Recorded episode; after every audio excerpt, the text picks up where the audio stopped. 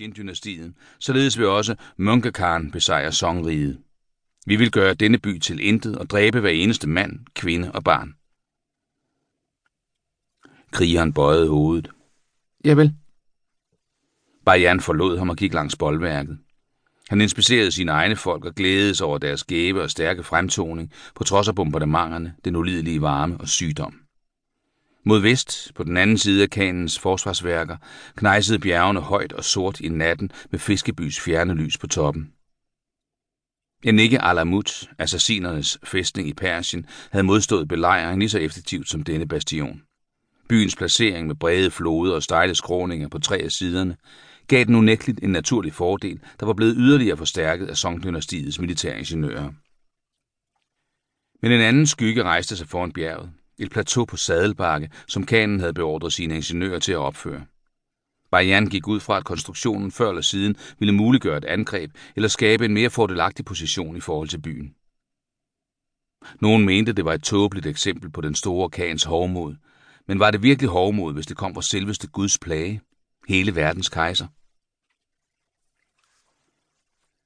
Til den aftalte tid trak Bayern sig tilbage til barakkerne på Løvebakke og mødtes med Migan-regimentets ni andre kommandanter i generalens gear.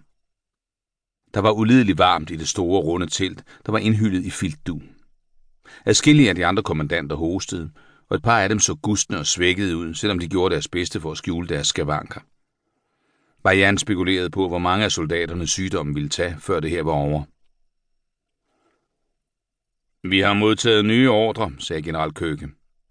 Wang Detjen leder stormangrebet på Huguo-porten i aften.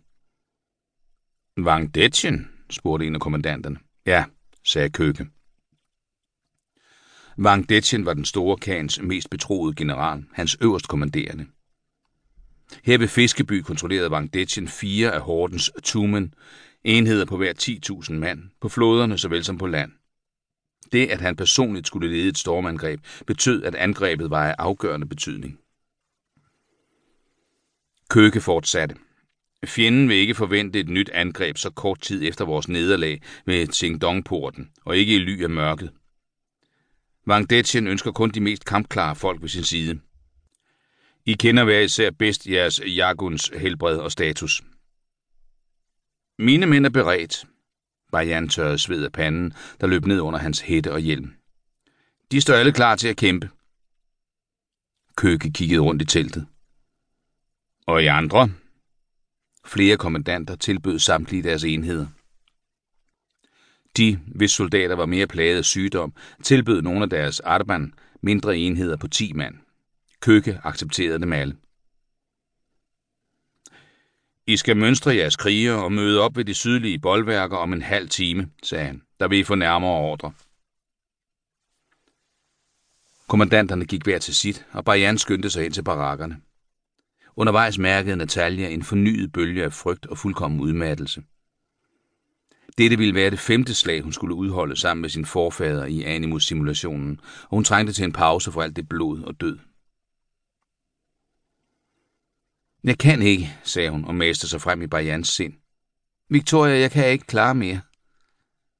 Der gik et øjeblik, og slaget rykkede nærmere. Victoria, har du det godt, Natalia? spurgte en kvindestemme med en lidt fransk accent i hendes sind. Nej, jeg trænger vist til en pause. Dine hjernemålinger er stabile, men din puls og dit blodtryk er en smule forhøjet. Natalia var lige ved at sige, det siger du ikke. Hvad kunne man ellers forvente af hendes blodtryk lige inden et middelalderligt slag? Jeg har brug for en pause, Dr. Bibo, gentog Natalia, lidt mere bestemt. Er du sikker? Du ved, hvor hårdt det er for dig. Bajan var netop nået frem til barakkerne, og Natalia mærkede forventningsglæde over slaget til til. Jeg er sikker, sagde hun.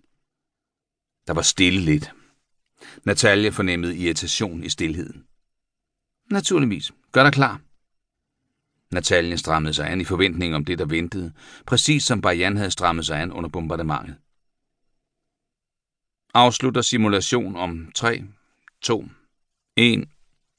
Verden omkring Natalia den mongolske krigslejr, stjernerne, den fugtige varme mod hendes hud, lugten af røg og blod. Det hele blæste i stykker i en tankestorm, der brændte i adskillige ekstremt smertefulde øjeblikke.